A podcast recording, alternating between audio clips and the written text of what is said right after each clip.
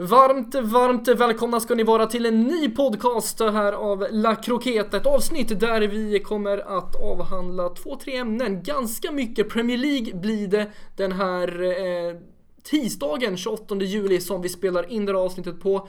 Eh, och vi kommer först eh, att börja med Bobokollen, Bobo-kollen, lite kort om svensk fotboll. Men sen, som ni har sett på titeln och rubriken, blir det ju ett ganska stort snack om Premier League där vi har Kevin som stjärnan i gänget och jag och Bobo kan inte lika mycket men kommer att komma in med våra synvinklar på saker och ting. Men först och främst så sitter vi alla tre tillsammans här idag i Halmstad faktiskt. Så är det ju, vi sitter ju här. Eh, man ska ju försöka ta kontrollen över detta avsnittet. Eh, så att eh, nej, vi kör på. Hur mår Bobo? Jag mår alldeles utmärkt faktiskt. Det ska bli jättespännande och podda med alla tre här tillsammans. Får vi se hur det funkar faktiskt. Ja, Inget, inget mer egentligen att, att nämna kring det. Vi, vi hoppas att ni gillar det här avsnittet lika mycket som de andra som har gått väldigt bra. Nu snittar vi över 300 per avsnitt eh, och vi nämner det för att vi vill ha en, en kontakt med er så ni vet hur många eh, ni är som lyssnar på det här och Eh, känns mer eh, interaktion. Och just det, vi kommer svara på många av era frågor också i slutet här som ni har fått ställa på Instagram. Eh, där ni har möjlighet att få en shoutout, alltså ett namn uppläst med andra ord. Vilket är lite kul. men ja, vi, vi kastar oss in i Bobokollen.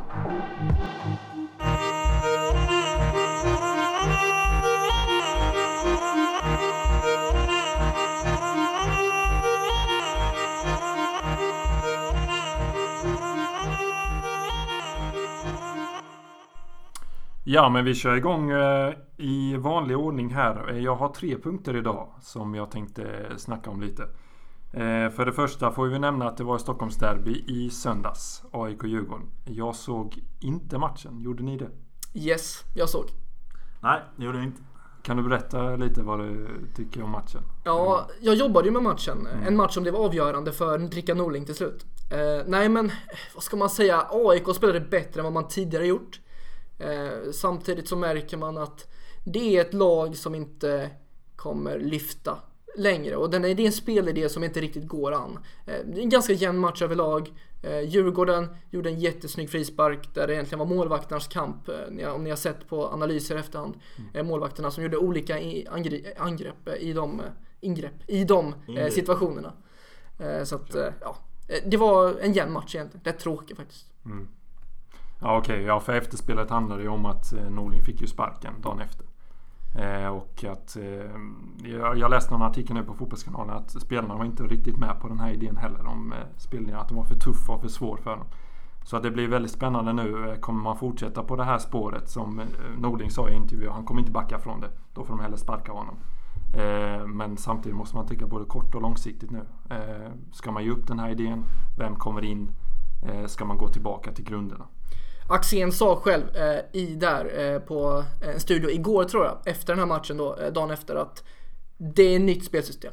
För man kan ju inte jobba vidare på någonting som inte har funkat. För i sådana fall fanns det ingen mening att plocka bort Rickard. Eh, så att det kommer bli ett gammalt AIK, förmodligen. Eh, alternativt med en spelidé som passar den tränare som tar över. Men det blir ingen man-man, för det har inte funkat och spelarna är inte tillräckligt bra. Det är där problemet är. Och jag hörde något om att det är just Atalanta som spelar på det här viset. Som Norling har försökt efterlikna. Så att nej, det blir nog inget sånt spel i alla fall. Mm. Just det, jag, jag är också inne på det att eh, det verkar vara ett för svårt spelsystem för att spela med den kvaliteten på spelarna och eh, deras ålder också. Eh, det är ett väldigt tufft man-man-spel att köra och jag, jag såg den intervjun med Norling där att han, det är mycket inspiration från Atalanta och så vidare. Jag vet inte om ni såg presskonferensen där han eh, gick ut och bekräftade eller att han ja. hade fått kicken. Där sa han ju verkligen, han betonade ju verkligen då att det här spelsystemet, jag tror 200% på detta. Så att det är ju verkligen, alltså Men AIK måste ju gå på en ny väg eh, och då kan ju inte han sitta kvar. Men han sa ju, han har också varit inne på att spelarna ändå inte är tillräckligt bra också. Eh, att, alltså ändå, i, i, vissa fall har han ju ändå, som efter matchen mot Varberg, var han ju väldigt kritisk liksom. det spelar det, ingen roll liksom. Den intervju kan man ihåg. Ja. Så är det. Ja. Eh, ja, vi släpper AIK och så har vi en väldigt stor match som kommer att ske på torsdag nu. När det är dags för cupfinal i Svenska Cupen ah, ja. mellan IFK Göteborg och Malmö FF. Ja. Och där en Europaplats finns i potten. Kanske inte för Malmö för de är redan garanterade. Tror jag att det funkar så. Men så Blåvitt är, är det ju väldigt viktigt om de vill gå ut i Europa. Ja. Och inte minst så är det ju en titel också att, att vinna. Malmö ser ju rätt bra ut just nu. Tagit in det här försprånget mot Peking här. Eh, men samtidigt Göteborg är ju starka och eh, vann i semin där mot eh, Elfsborg. Men i ligan är det lite knackigt får man väl säga. Så vad tror vi? Vem kommer ta hem det här nu? Innan Kevin kanske säger något om Malmö så Alltså Malmö ser otroligt tunga ut just nu och har verkligen fått igång maskineriet. Snackat om det så säger jag att den här matchen är framförallt viktig för IFK. Man har inlett horribelt poängmässigt. Alltså horribelt verkligen. Det är en väldigt dålig säsong hittills. Samtidigt så spelar man ändå helt okej okay och skapar mycket målchanser så att eh, den är nog mer viktig att för dem att få självförtroende än att ta en Europaplats, tror jag. Jo, så att de ska skapa sitt momentum. Det är viktigt för dem. Eh, det sitter ju någonstans i väggarna i Malmö att eh, förlora kuppen. Eh, de har inte vunnit den sedan 1989, har jag för mig. Och jag minns när jag var på plats 2000, jag minns fan inte när det var. Det var på plats, Swedbank Stadion, vi mötte Häcken. Ledde typ 2-0 i paus. Lewicki går in direkt i andra, får rött kort. Det blir oavgjort, går till straffar och vi förlorar straffarna. Då kände man liksom att eh, kuppen det är liksom inget för Malmö. Så att... Eh, nej, vi får se vad som händer men eh, Malmö hade ju behövt en kupp för att bryta just den trenden. Ja, det är ju en match det handlar om och 90 minuter plus kanske 30. Och eh, Blåvitt har ju hemmaplan om jag inte minns fel. Eh, också. Eh, så att eh, Blåvitt har alla chanser här att vinna. Eh, men ja, självförtroende det är inte där. Men eh, jag tror motivationen finns där. Eh, gott och väl. För att, för att ta hem det. Det tror jag verkligen.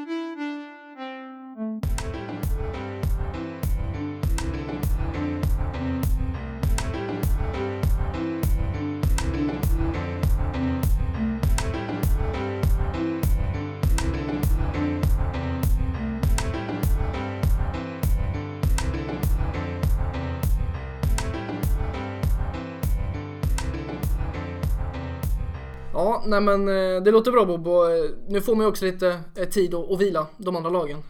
Och, och få lite mer tid att, träna på saker och ting som behöver förbättras. Det är många konstiga matcher som vi har sett nu faktiskt, tycker jag. Med mål i slutet. Det är samt, många matcher och jag menar vi har målvakter som gör mål hit och dit. Och, nej, det, det är mycket som händer. Typ två, tre, tre matcher på en kväll. Ja, det, det, det är knasigt men, men det är kul att, att, det, att det spelas. Så. Känns lite som alla tar poäng av alla just nu.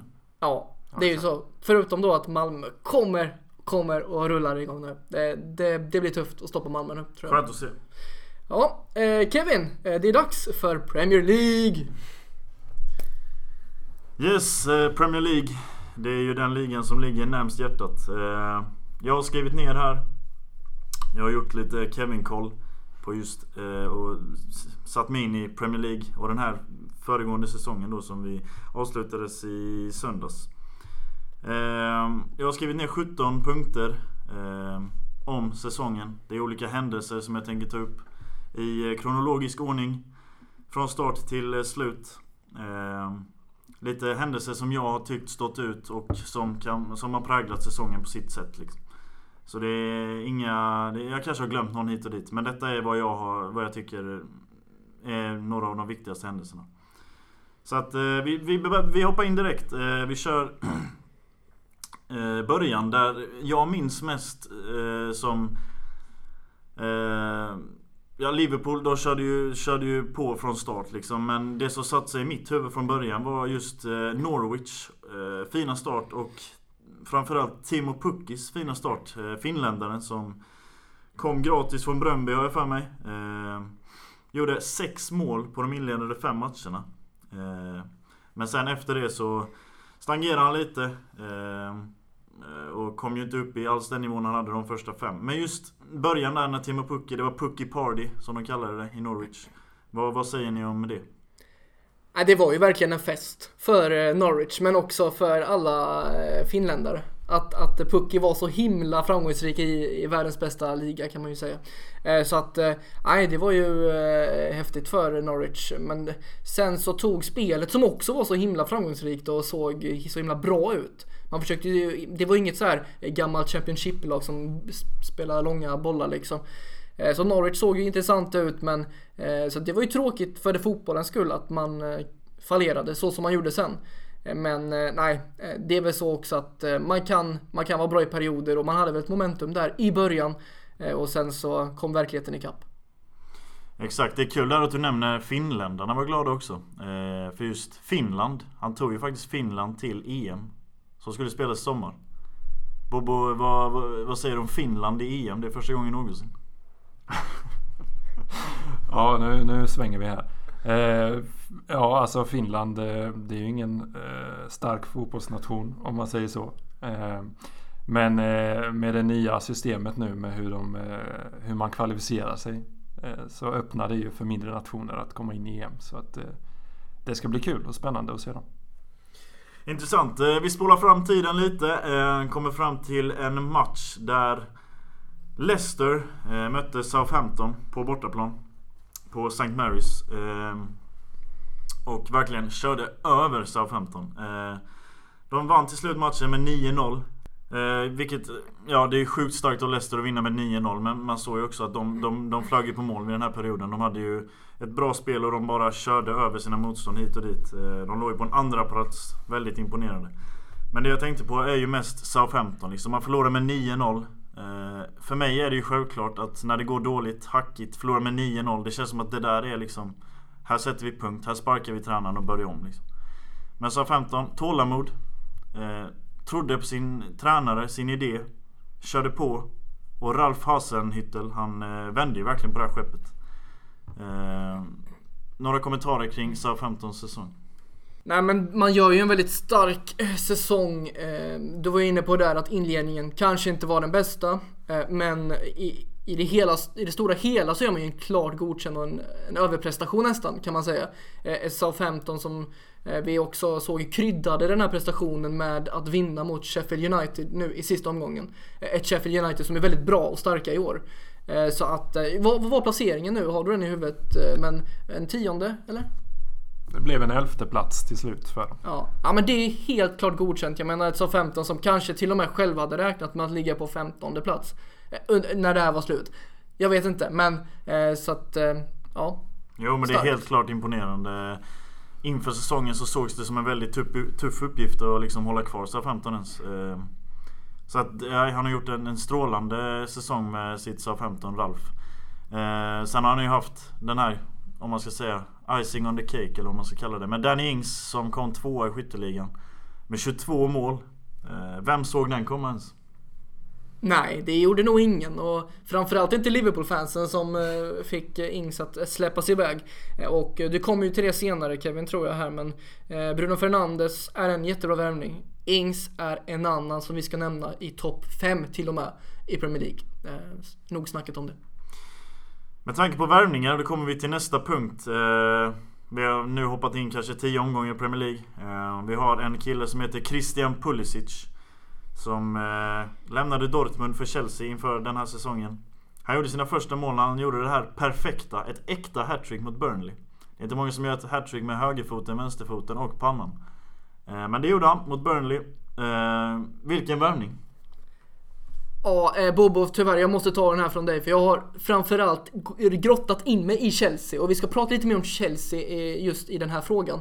Eh, men nej, Pulisic först och främst eh, från Dortmund och, och framförallt eh, den här vinstsnabba spelaren som man väntade sig och har gjort det bra. Nio mål eh, och en, en fullt godkänd säsong i, i, i Chelsea.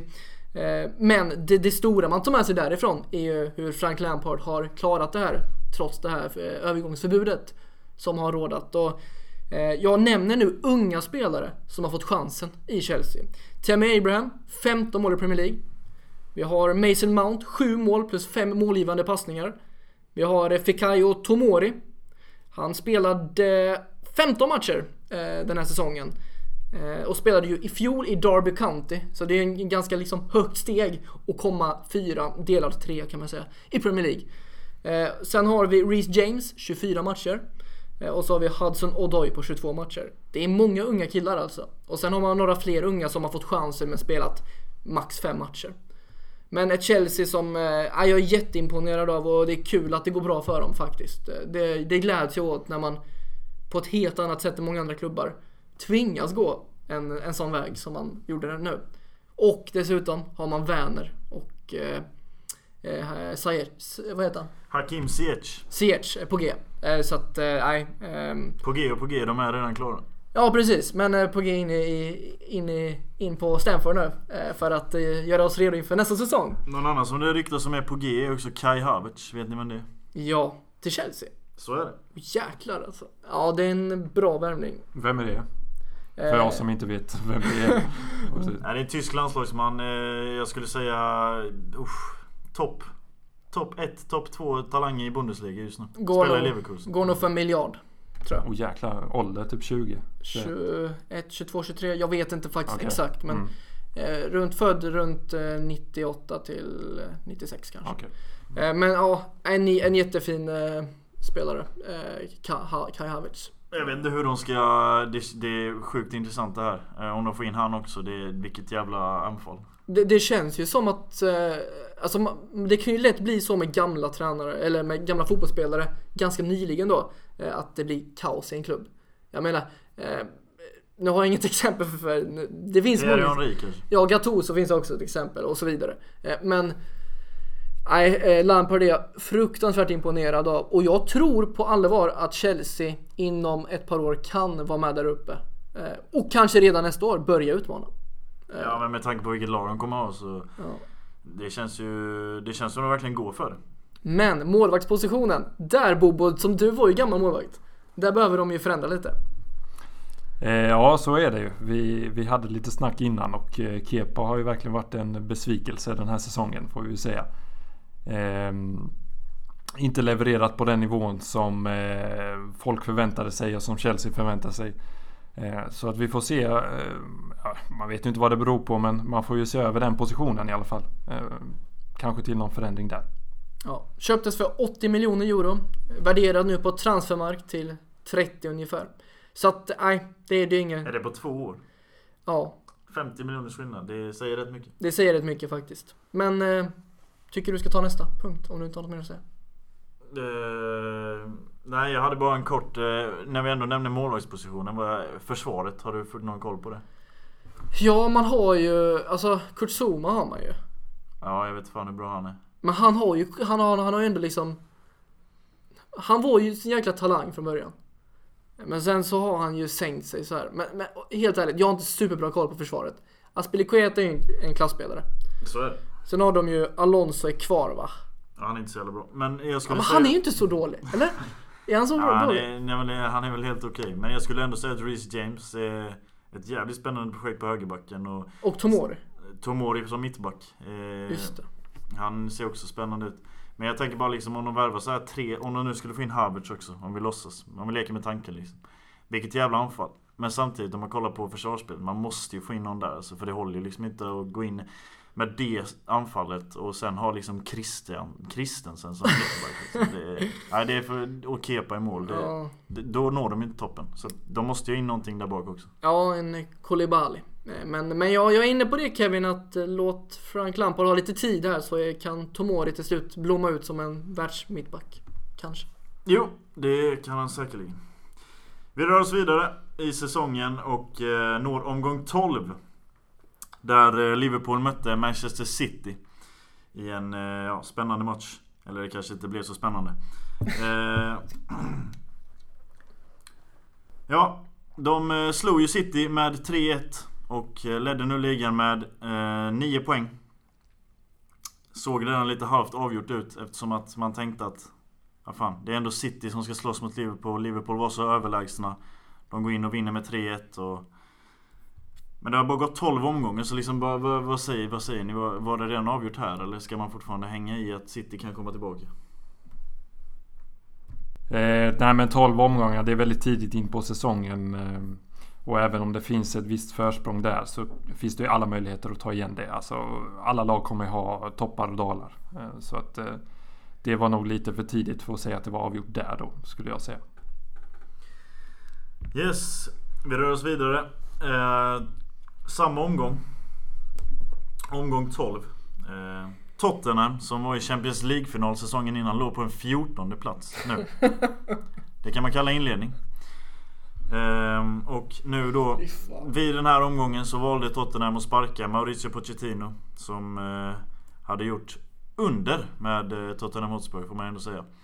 Eh, och han ersattes av José Mourinho, den rutinerade portugisen.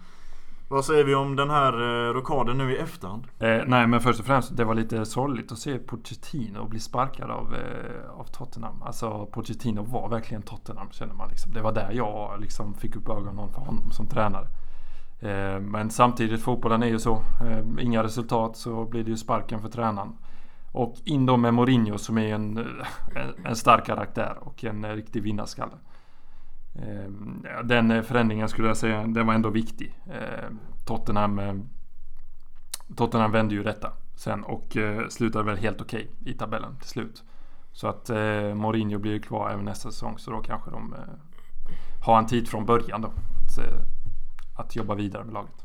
Ja, Mourinho sa ju precis som Zlatan sa att om jag hade varit här från start så hade vi nått Champions League. Ja, men han snackar. Alltså, det, ja, han snackar. Men, det är bullshit alltså. Det är Mourinho snack. Så är det. Men eh, man ser ändå på resultaten att han lyckades ändå med lite tid ändå Han fick ändå lite gung på skeppet om man säger så. Ja. Alltså så här.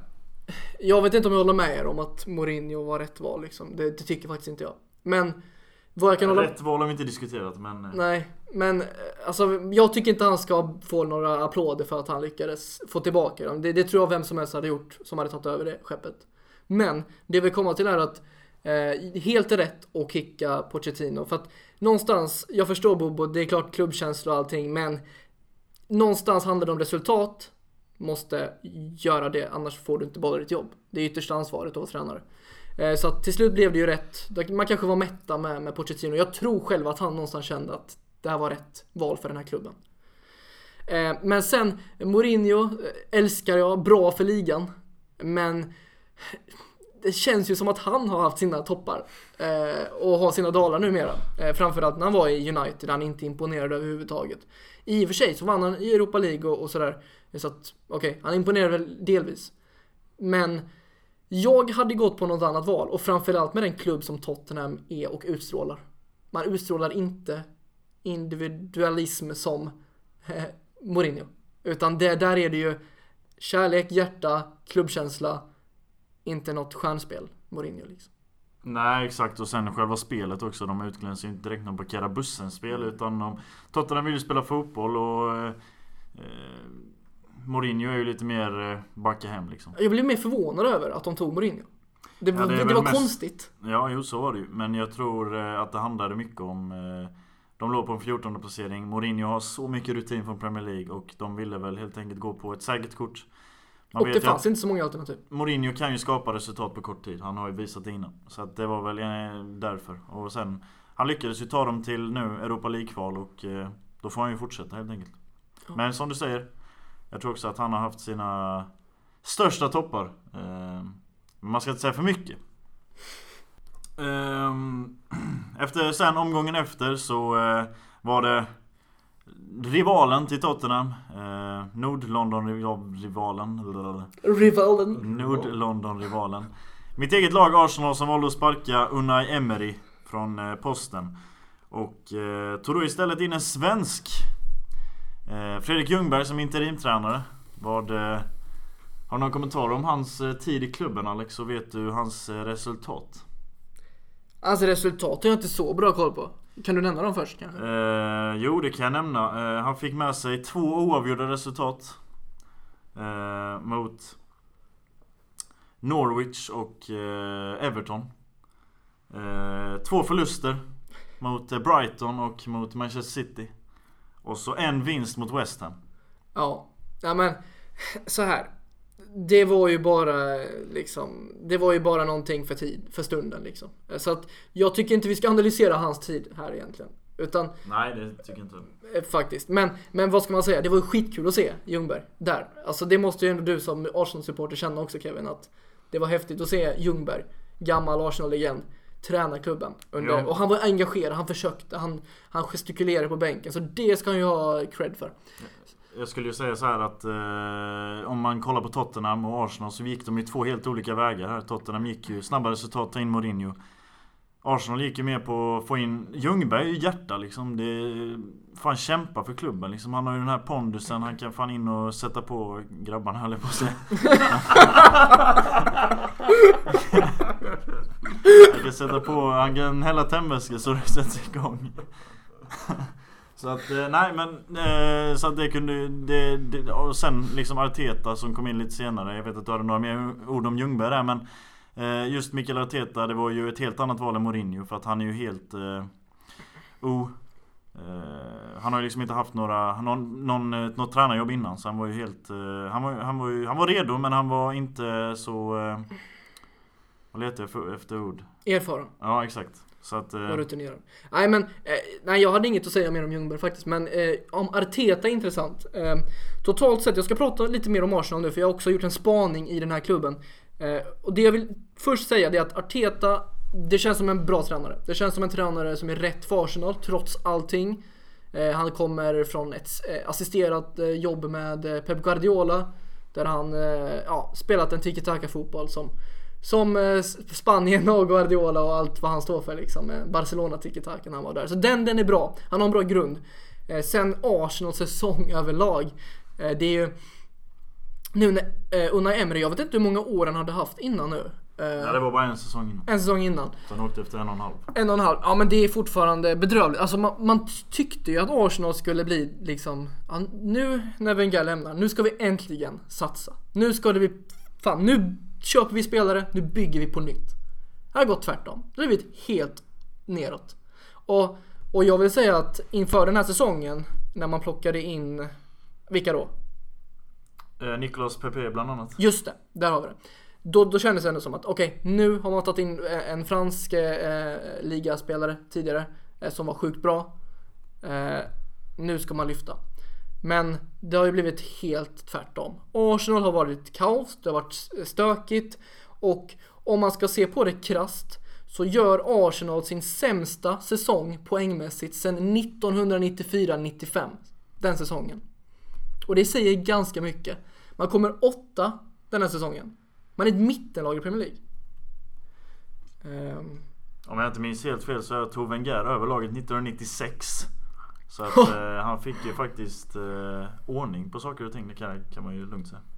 Ja, ja men verkligen. Um, så den enda möjligheten att rädda den här säsongen. Det är att vinna nu på lördag. Mot Chelsea. Jo, så är det. Så är det. Så där kan man ändå få en morot till nästa säsong. Men jag menar i Europa League är man ju inte heller bättre. Åka ut mot Olympiakos liksom. Det, det är ju inte heller så starkt. Nej, eh, som Malmö slog för något år sedan här. Så att, ja, jag vet inte. Det ett Arsenal som inte är på rätt väg. Ett Arsenal som har rätt tränare, men det är så mycket justeringar som krävs. Jag menar Aubameyang börjar bli gammal nu.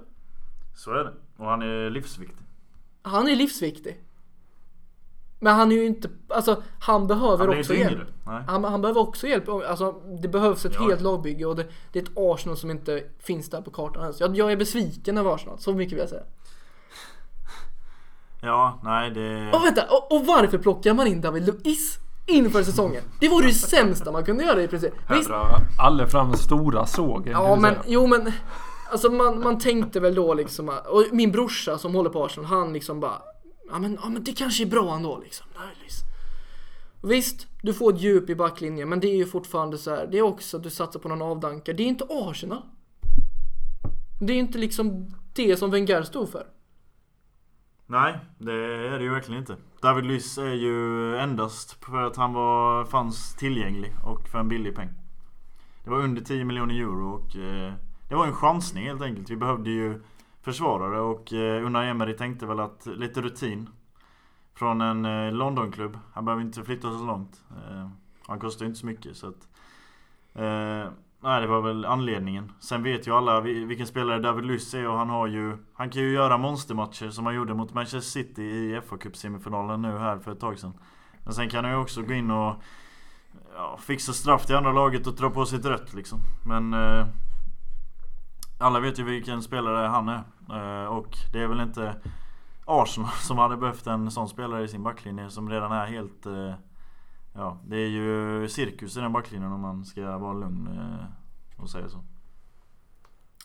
Ja, ja men jag håller med liksom. Eh, jag kanske var lite för hård mot Arsenal här nu känner jag. Men, men det är klart att man har bra spelare, men det krävs mer.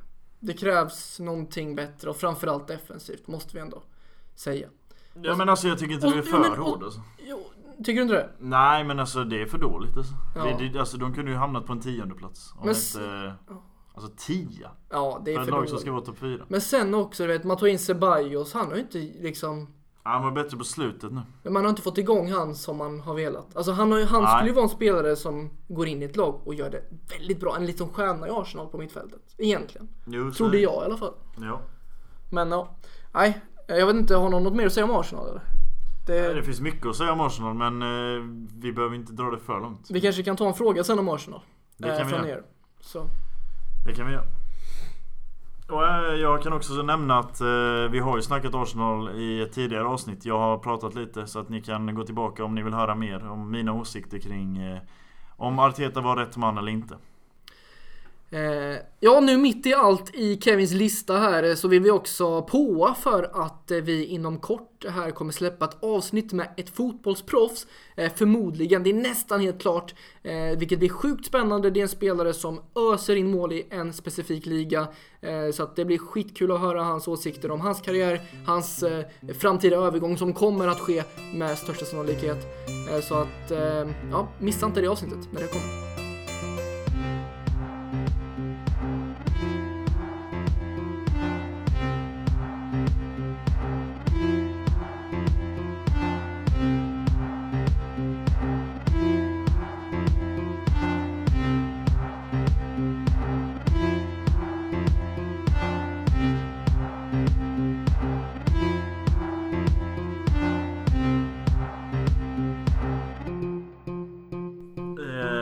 Vi rör oss framåt. Eh, Everton som, ja alltså det känns ju bara som vi pratar just nu om eh, lag som går dåligt. Jag menar först var det Tottenham, sen var det Arsenal, nu är det Everton som ligger ännu sämre till. 16 placering. Av 20 lag. Alltså de är nära Championship liksom. Och vi är snart inne liksom förbi, vi är snart inne i mitten av säsongen här. Eh, de sparkar ju tränaren. De säger att detta, är, detta går ju liksom inte, detta håller inte. Eh, och ta in en riktigt rutinerad tränare. I eh, italienaren. Carlo Ancelotti. Tvåfaldig Champions League-vinnare.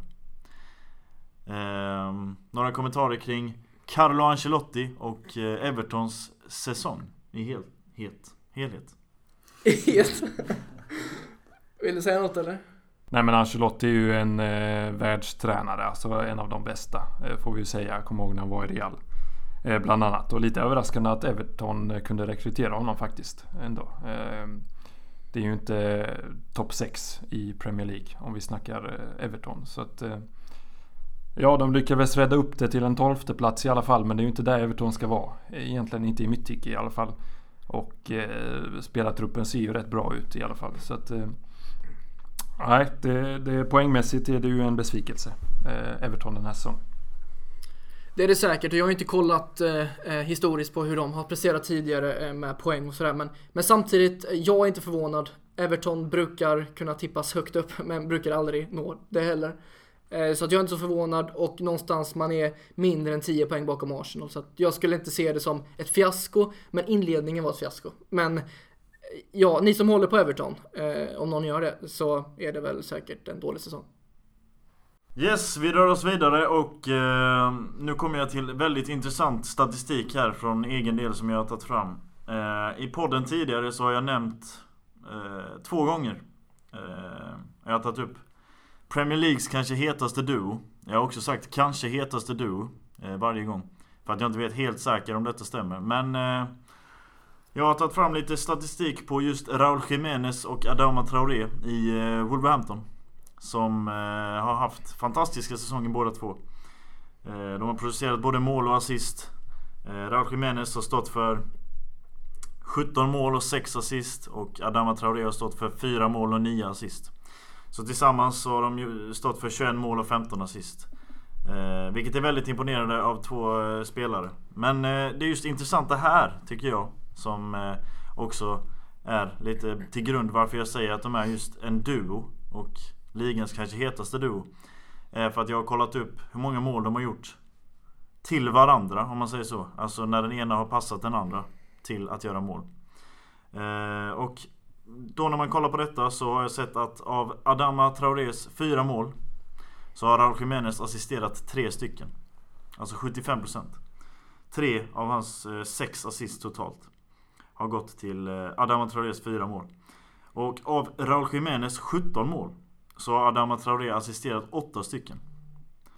Eh, det är ungefär hälften.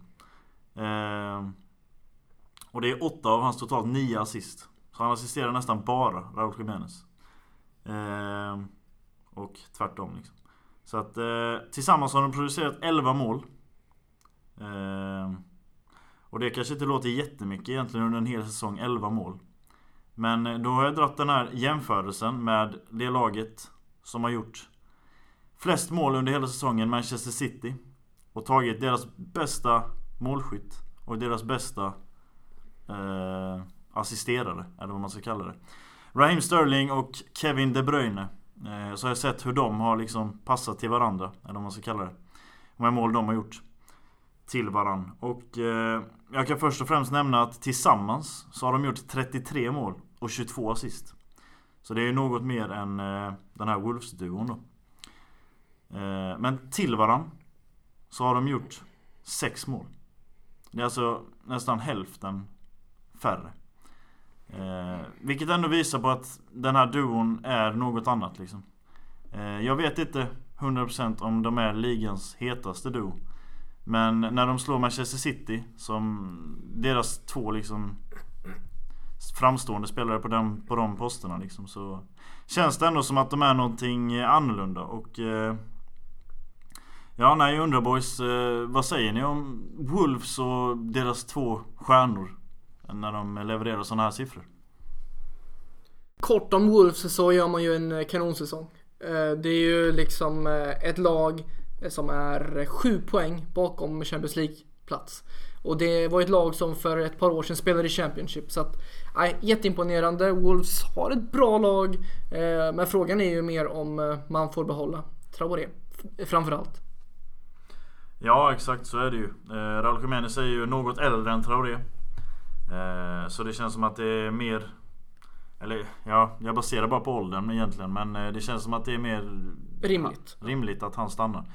Adama Traoré som verkligen har växlat upp inför den här säsongen. Han, han, han fick ju inte till det där i början när han kom till Wolves. Det var ju inte mycket poäng han producerade. Men just den här säsongen så har han verkligen fått, fått till det liksom. Och han är ju ett kraftpaket. Alltså han, eh, jag såg någon dribbling han gjorde när han liksom bara sparkade bollen mellan två försvarare och sen sprang igenom. Båda välte liksom. Så att han är ju både snabb, stark och nu gör han även poäng. Ett hett byte på marknaden i mina ögon. Så att... Eh, nej, det blir svårt för Wolves att hålla fast i honom. Men eh, om de lyckas så eh, ser jag goda möjligheter att lyckas även i Europa League. Det ska nämnas att de är kvar den här säsongen i Europa League också. Just ja. Och kan eh, ju gå hela vägen där. Det är ett starkt lag. Vi får se vad som händer.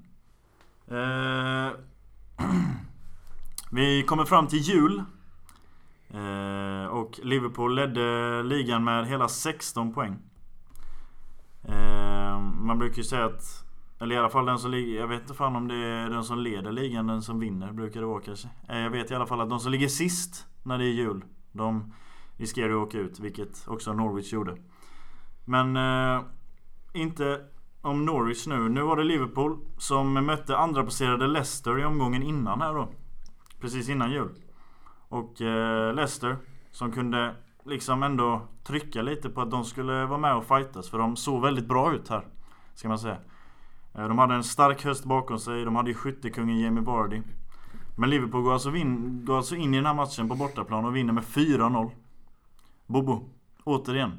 Var det klart här? Alltså när jag tänker tillbaka på, på den perioden så att Premier League var ju inte ens spännande vid den här tidpunkten typ. Eh, och speciellt inte efter den här matchen. Ja, eh, 16 poäng sa du vad skillnaden var och sen så förlusten för Leicester där. Ja. Och vi är över mitten nu. Ja, exakt.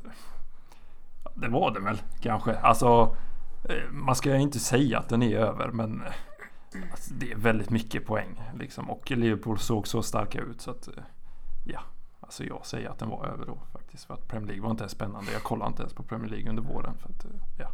Det var det klart. Exakt. De ledde ju, jag ska nämna det, de ledde ju med 16 poäng från tvåan då som var Leicester. Sen var det ju ännu mer poäng bak till City som egentligen var den stora kandidaten att utmana. Eh, så att ja, man kan ju helt säga, de flesta experterna sa ju här att det var klart och eh, det visade sig vara det också. Liverpool körde ju på hela vägen. Eh, vi rör oss förbi jul och nyår, kommer förbi och in i transfermarknaden och eh, faktiskt i sista dagen där United gör, enligt mig då, säsongens värvning. Eh, han fick ju bara spela under eh, våren.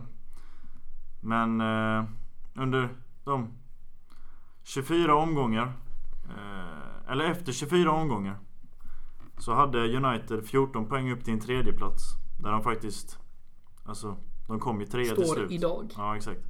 Så att, eh, och utan den här värvningen då så hade de aldrig lyckats enligt mig. Jag vet att jag la en, ett tipp.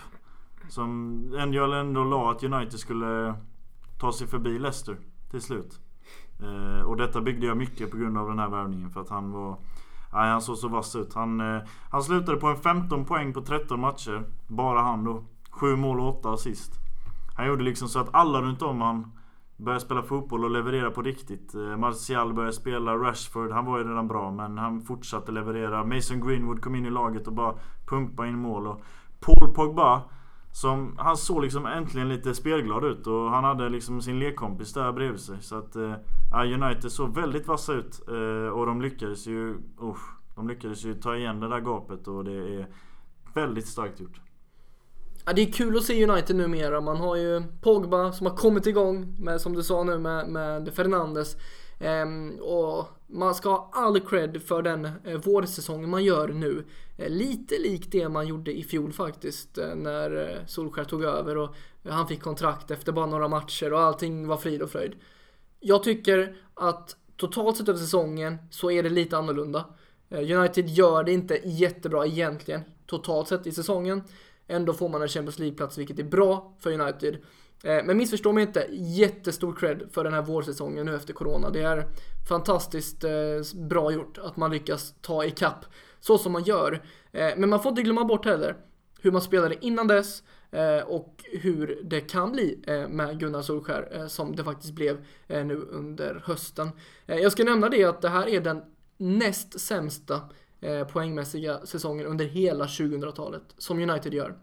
Eh, delad då ska vi säga. Man har haft 66 poäng två tidigare gånger också. Eh, Vilka Sen, gånger är det? Eh, det var 2018-19, alltså i fjol. och så var det 2015-16. Men den sämsta, då fick man 64 poäng. Och det var ju två poäng mindre än nu. Det var ju efter ligatiteln det året, 2013-14. Då, tog man, då kom man sjua och tog 64 poäng. Så att poängmässigt, nej det är ingen bra säsong. Men, och, och United för fan, de ska ligga uppe på 80 poäng. 80 plus, 75 plus. Det ska ju de siffrorna man vill ha. Ja. Eh, men som sagt, eh, med den speltruppen man har haft så kan man, har man inte varit där liksom. Så att man ska vara nöjda med där man är nu, tycker jag. Man har Champions League. Eh, och så hoppas vi på att United som kommer igång för alla United-fans då. Och kanske till och med kan plocka någonting mer nu under fönstret i sommar. Ja exakt som du säger. Jag tänkte nämna här liksom United är ju...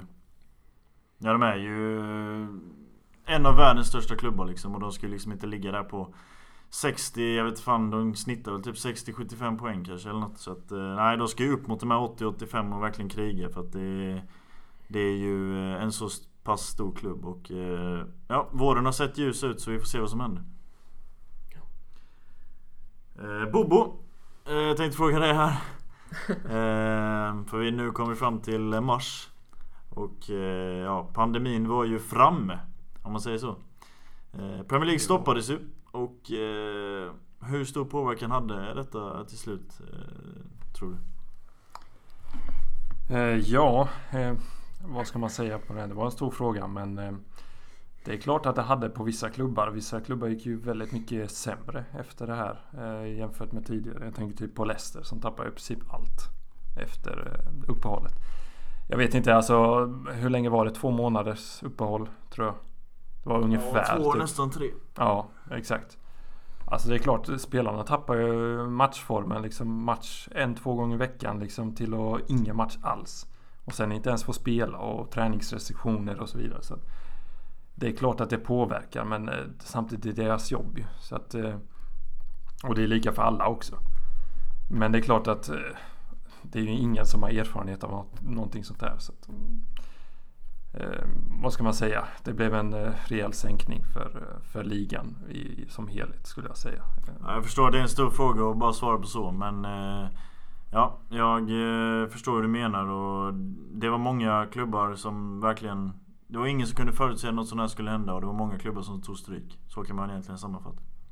Ja exakt och om man ska se något positivt så är det väl kanske att vissa spelare hade tid på sig att komma tillbaka. Egentligen. Eh, alltså skademässigt menar jag. De som var på rehab kanske kom tillbaka mot slutet nu och kunde göra några matcher till exempel. Så positivt för dem. Men alltså som helhet eh, tappar ju publiken försvann ju. Eh, tomma läktare. Alltså det, det är ingen kul känsla att titta på fotboll faktiskt. Även om det är bättre än ingenting. Exakt, så är det. Jävla bra punkt där. Yes, vi rör oss vidare och vi börjar spela fotboll igen. Eh, och Sheffield möter Aston Villa direkt nu efter uppehållet. Eh, Sheffield United då. Som såg så jäkla bra ut innan uppehållet. De, ja, de var ju inte lika bra efter uppehållet. Men de lyckades ändå ta sig upp på benen och hamnade till slut på en Sjunde plats? Nej, nionde plats hamnade de till och med. Ja, så. Att, eh, ja, det, ja, jag kommer till dem lite senare. Men eh, Aston Villa i det här fallet. Eh, eh, de mötte ju Sheffield och Sheffield hade ju en boll som var över nät, Bobo. Du som är domare. Eh, den visade ju mål... Inte målkameran, men den visade ju i flera repriser att den där bollen är inne. Eh, men klockan på domaren sa inte till om att det där var mål, så att det blev ingen mål.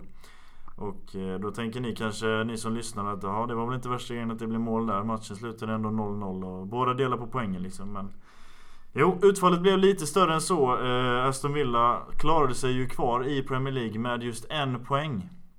Eh, en poäng som de tog i och med detta. Eh, annars hade ju Bournemouth tagit den där platsen på bättre målskillnad.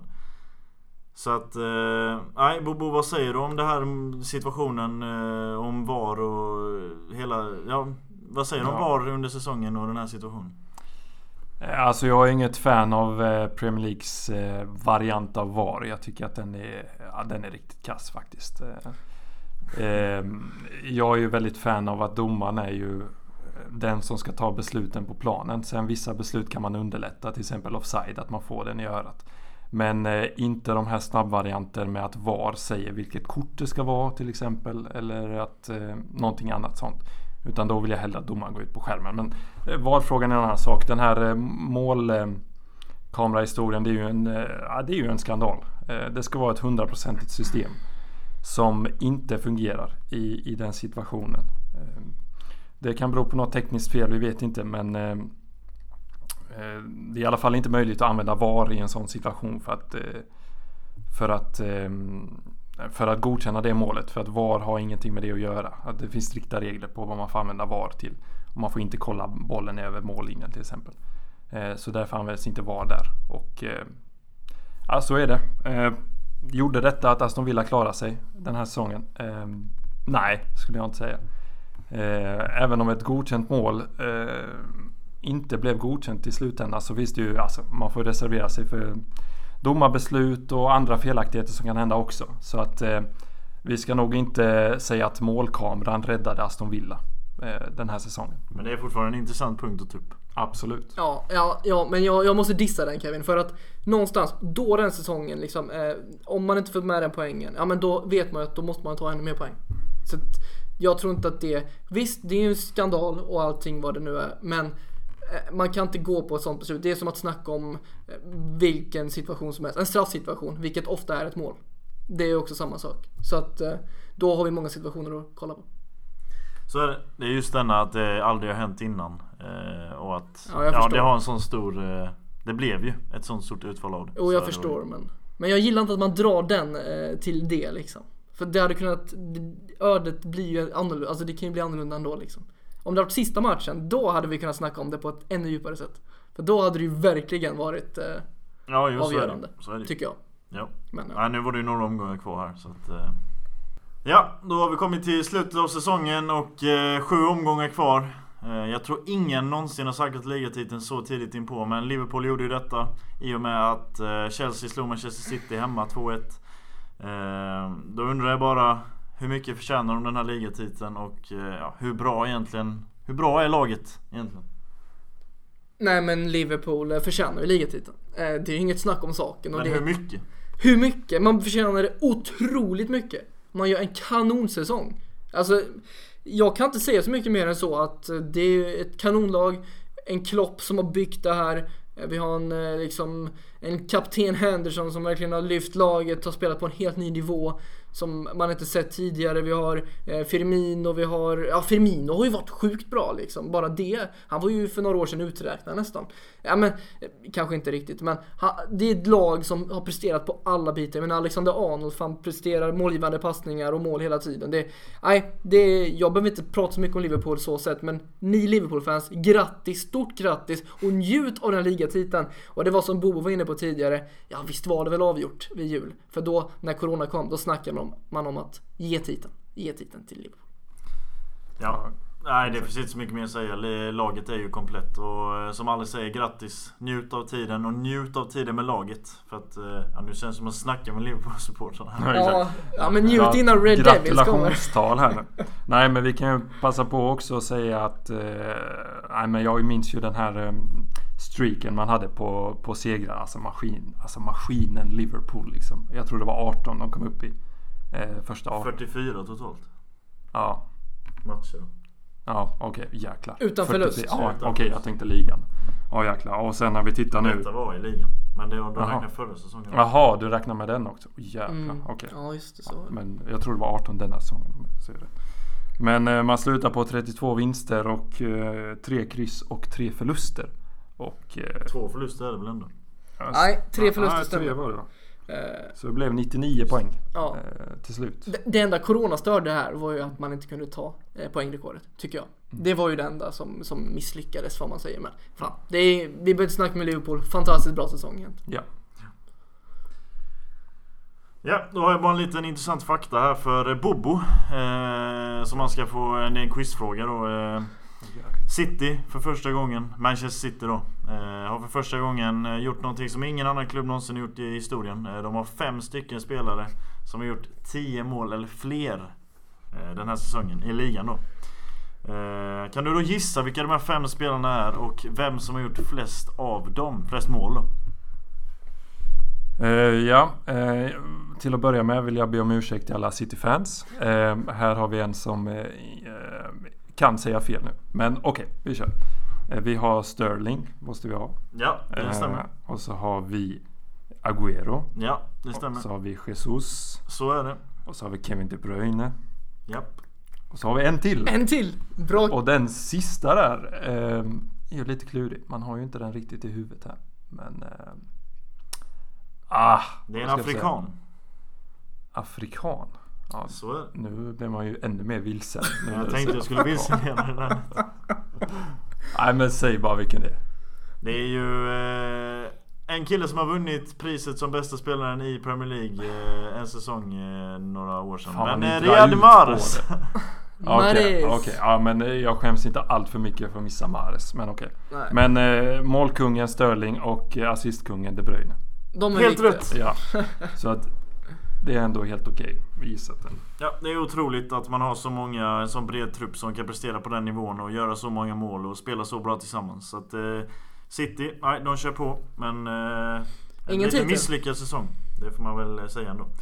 Eh, ja, då tänkte jag bara säga att eh, genom att summera detta så Liverpool går ju till Champions League när de vinner titeln och med sig tar de Manchester City, Manchester United och Chelsea. Eh, till Europa League går Leicester som tappade där i sista omgången mot United. Eh, även Tottenham får kvala sig till Euroleague för de kom sexa.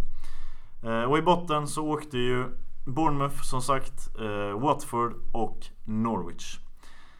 Så så såg sluttabellen ut och ja, man kan ju argumentera mycket för och emot varför, vem åkte och vem som gick till Champions League bla bla bla. Men ja, det var så som slutet såg ut. Vi har även Vi har även några priser som delades ut Eh, Jamie Vardy tog ju hem skytteligaskon. 23 mål. Eh, att imponera. Den här killen alltså, vilken saga. Ederson, eh, flest nollor i ligan. Eh, de gör flest mål och håller flest nollor. Borde man inte vinna ligan då egentligen? Kan man ju tycka. Eh, De Bruyne slår assistrekord på 22 assist. Eh, och det kan man ju bara nämna liksom. Men eh, vilken jävla spelare Kevin De Bruyne är. Men jag tänker jag tar det efter jag har sagt detta. För att jag tänkte först säga till er grabbar att eh, säsongens spelare av de engelska journalisterna eh, har blivit framröstad. Eh, och det priset vann ju eh, Liverpools kapten Jordan Henderson. Eh, vad säger ni om det beslutet och vad, vad, tycker ni om han som eh, spelare? Var det, var, det, var det fair att han fick det priset? Men det var som jag sa innan när jag summerade Liverpool lite att eh, han har ju verkligen lyft sig. Eh, och det tror jag har stor betydelse i Klopp. Jag tror Klopp har fått Henderson att lyfta ett steg till till en världsspelare där han faktiskt har tagit det där steget som många trodde han aldrig skulle ta. För att han var ju där i en, en period där han inte riktigt var där men nej, totalt sett Henderson eh, jättefin säsong och har verkligen blivit en, en kapten eh, värd Liverpool. Ja, alltså när han var där i början så jämfördes han ju mycket med Steven Gerrard. Och att han skulle ta över rollen som den nya bäraren av den eh, tröjan liksom. Så att... Eh, det tog ju några år men nu har han ju verkligen växlat upp som du säger. Och det finns en liten intressant... Eh, en intressant statistik jag såg från säsongen. Eh, han spelade ju ofta som offensiv mittfältare i det här tremannamittfältet som Klopp vill ha. Men eh, precis innan jul där när Fabinho gick sönder. Han hade ju varit så jäkla bra offensivt, alltså Jordan Henderson då. Fabinho var ju ankaret innan eh, försvaret. Han gick sönder mot Napoli i Champions League. Och Klopp visste inte riktigt vad han skulle göra men han satte ner Henderson på defensiv mittfält för att skydda backlinjen. Och Liverpool håller nollan i 10 matcher i rad i Premier League. Och Henderson spelar ankare i alla de matcherna. Man kan säga vad man vill egentligen om vem som är säsongens spelare men Jordan Henderson, att han har gjort en eh, bra säsong, det är svårt att argumentera emot det. Uh, han är ju en av uh, de framstående spelarna helt klart. Jag ville bara säga innan uh, Kevin De Bruyne, vilken jävla spelare och vilken säsong han gör.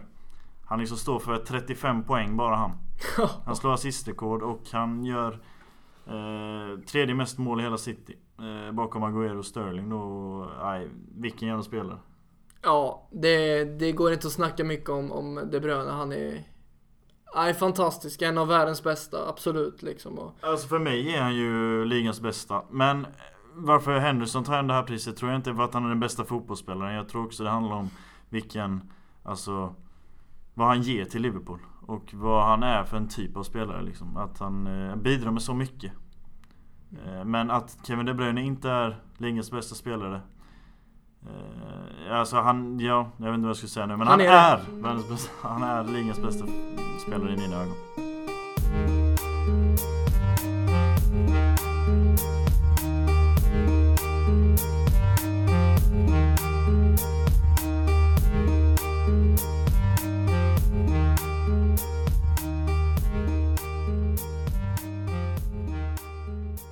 Nej Kevin, eh, det kändes som en krönika. Det kändes som vi gick igenom liksom från augusti in i den här jul, sen in i coronatiden. Det blev tufft, det blev ingen fotboll.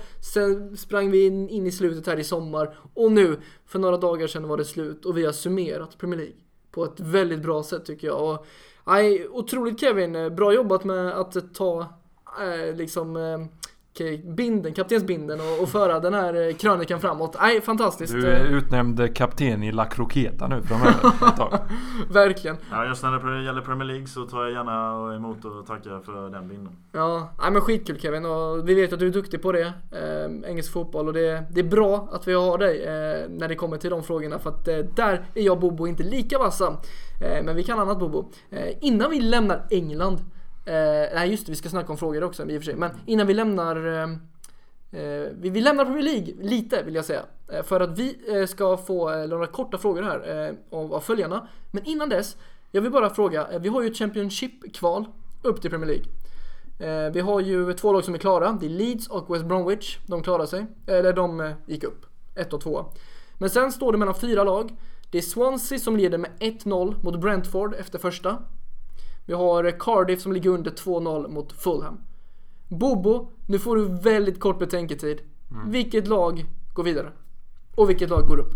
Ja exakt. Returen är alltså Brentford-Swansea. Där står 0-1 och eh, eh, alltså Brentford spännande med Pontus Jansson. Bla bla bla. bla. Men eh, Swansea är ju ett mer rutinerat eh, lag skulle jag säga. Så jag tar Swansea där. Och eh, ja, Fulham klarar mot Cardiff. Så det är där. Och då har vi Swansea Fulham i final och då går Fulham upp. Ja, jag håller med. Fulham går upp. Jag eh, håller inte med. Alltså grejen är så här, jag såg ju, jag följde ju sista omgången i Championship och eh, alltså fy fan säger jag bara.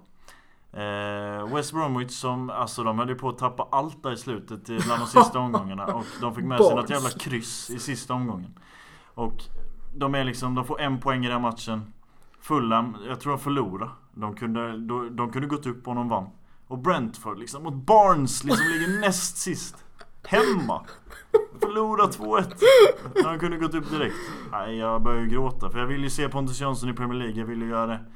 Eh, och nej, det var ju förskräckligt att inte kunna fira den eh, vinsten för Brentford. Så att, eh, nej, mitt hjärta ligger ju hos Brentford. Eh, och jag tror eh, det ska mycket till. För att Swansea är ett bra lag.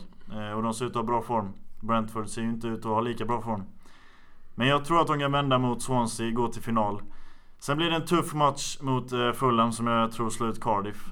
Eh, och eh, jag vill ju säga att, eh, att jag tippar olika er så att eh, jag säger att Brentford vinner den här matchen och går upp. Eh, det är mycket hjärta i det tippet. Men eh, så får det vara ibland. Du är ju framgångsrik på tipp ju. Du satt ju United och Ester i hela den kombon innan. Så att inte osannolikt säger jag. Osannolikt.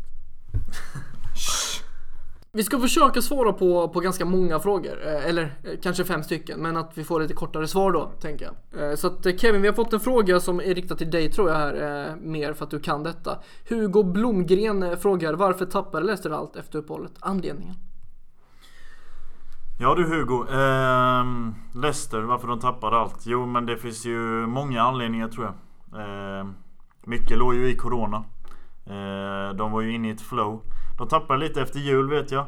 Eh, då började de redan, man började se liksom lite sviktande resultat och sådär. Men man kunde ju ändå tro, de hade ju ett sånt försprång så att om inte Corona hade varit i vägen tror jag de hade grejat detta. Eh, men nu kom ju det i vägen också. Eh, som en annan grej. Sen hade de ju skador på nyckelspelare. Jag menar James Madison var borta ett tag, Juri Tillemans, eh, Wilfred Ndidi. Eh, helt enkelt. Och Syunche liksom i slutet, han tappar ju helt. Han börjar ju sparka på någon Bournemouth-spelare, fick rött kort i den matchen. Nej, jag tycker inte han var stabilt i slutet. Och Kasper Schmeichel, ska man snacka om han. Vilka jävla utsparkar som han gjorde här i slutet. Han gav ju bort typ 2-3 mål liksom. Så att, eh, och sen båda ytterbackarna, de här framgångsrika. Ricardo Pereira, han drar korsbandet liksom. Och Ben Chilwell skadar sig också. Fått in någon Luke Thomas, 01 som är helt orutinerad på den positionen. Så att eh, skador, det är ju verkligen en eh, grej.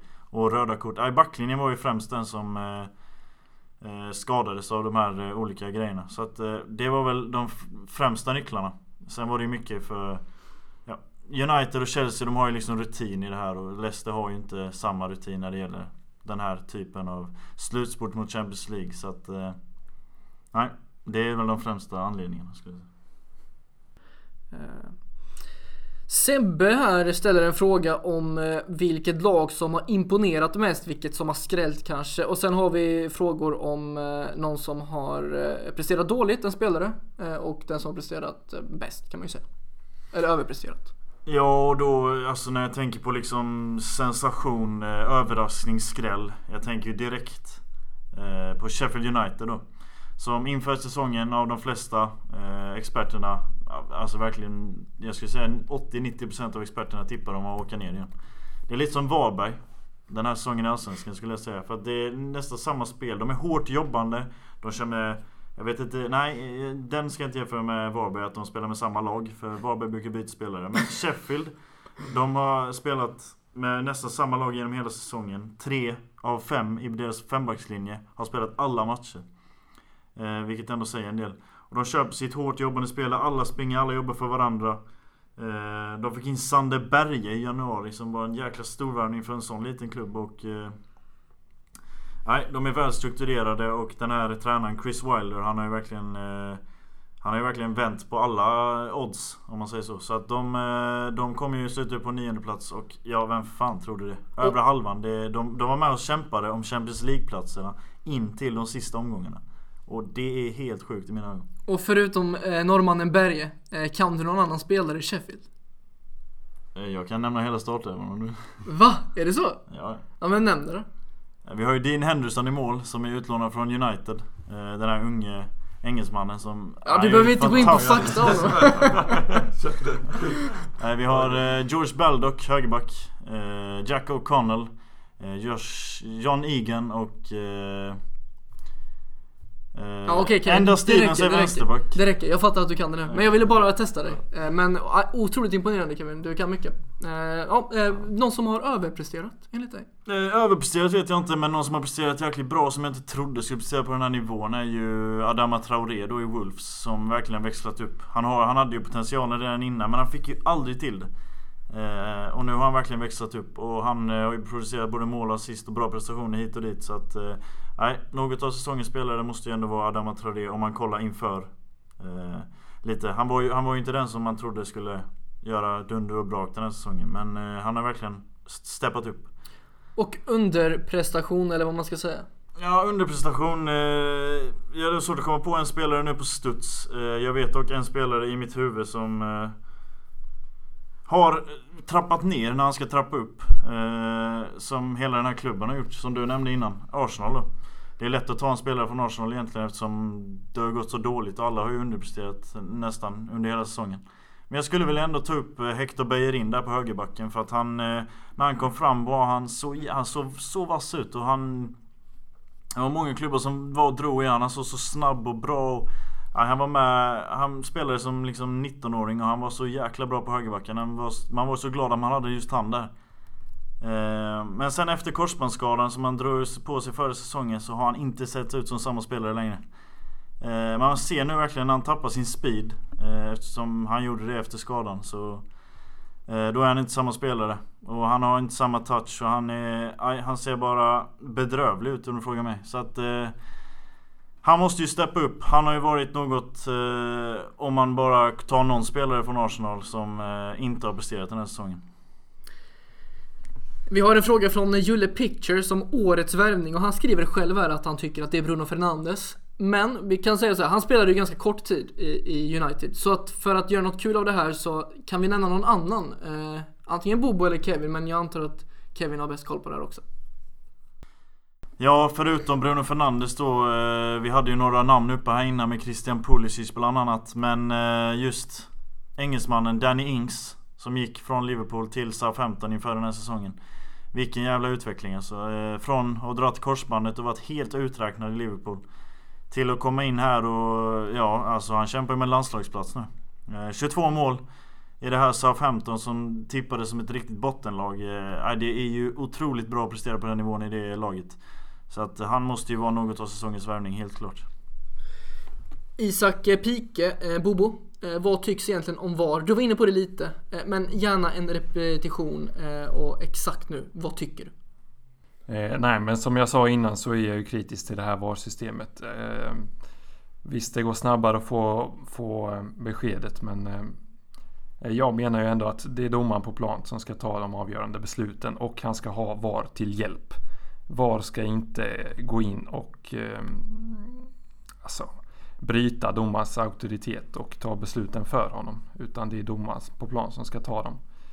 Eh, nu som det har blivit så har det varit ett avbrott i spelet och sen så har det bara kommit något i örat och sen har det blivit ett rött kort eller ett, eh, eh något annat. Offside och sånt kan jag köpa absolut men eh, jag menar ändå att domaren måste få veta vad han ska göra och det gör han genom att eh, titta på skärmen och inte att någon säger till honom i örat vad han ska göra. Jag tycker att vi tar den sista frågan nu eh, och eh, vi kan också nämna det, Bobo är ju domare på riktigt för er som inte eh, kommer ihåg det eller inte har vetat det. Eh, men vi tar en fråga eh, som handlar om nästa säsong. Eh, vad tror vi om Leeds? Frågar Ivar Backman. Så avslutar vi med en liten framtid här. Om Leeds? Ja man har ju inte full koll på Championship ska jag säga men Leeds, de har ju varit nära på att gå upp nu typ 3-4 säsonger i rad. Eh, när Pontus Jansson har spelat där bland annat. Så att, nej, de har ju ett sjukt starkt lag. De har ju en tränare, Bielsa där som... Han är ju en väldigt eh, vad fan ska man säga, speciell människa. Eh, och, och, tränare. Tränare. Så att eh, det ska bli kul att se hans spel i Premier League och eh, Leeds generellt sett. Jag menar Leeds är ju en klubb som har haft väldigt stora eh, vinster, eller man säger. Triumfer. Stora, ja, stora triumfer i engelsk fotboll tidigare. Så att det är en stor klubb liksom och de, de ska ju vara i Premier League. Eh, och nu är de tillbaka. Och det är kul att se dem. Eh, det ska bli kul att följa dem nästa säsong. Eh, de har ju ett intressant lag. Eh, jag vet inte om de äger eh, den här Patrick Bamford längst fram. Men han är ju en ung, jag vet inte om han är ung längre dock. Men han är ju en engelsk målskytt och han vet jag är väldigt intressant. Så det ska bli kul att följa Leeds. Ja, det är väl det att man är en sån historisk klubb, eh, Leeds United. Eh, så det, det blir kul, kul att se dem i, i Premier League. Eh, Eh, en Premier League som vi kan prata mer om i framtiden och prata mer om specifika lag. Eh, ni får jättegärna skicka in frågor om det. Jag hoppas verkligen att ni gillade den här summeringen av den här fantastiska fotbollsligan som vi har snackat om eh, i det här avsnittet. Glöm inte bort nu att vi snart har en intervju med en proffsspelare som kan vara på väg att säljas för flera miljoner kronor som kommer gästa här i podden. Så missa nu inte att hålla utkik på våra framtida avsnitt som kommer att släppas. Okay. Eh, innan eh, vi avslutar här så måste jag bryta in här för att det är en sak som jag tänkt på under hela det här poddavsnittet som vi inte, vi har en fråga som jag ställde som jag inte svarar på. Vem kommer vinna på torsdag egentligen? Kommer Blåvitt vinna eller kommer Malmö vinna? Jag vill ha svar, följande ett svar. Kevin, du får börja. Vem vinner på torsdag? Du drar in detta nu igen här. Eh, ja, som jag säger så eh, behöver ju Malmö bryta den här trenden och de ser ju bättre ut som lag så att eh, Ja, Malmö FF säger jag. Malmö FF vinner på torsdag. Vi kryddar till det här tippet lite och säger Blåvitt. Att, oh. För att det här Malmö-förbannelsen fortsätter. Så eh, heja Blåvitt på torsdag säger vi då.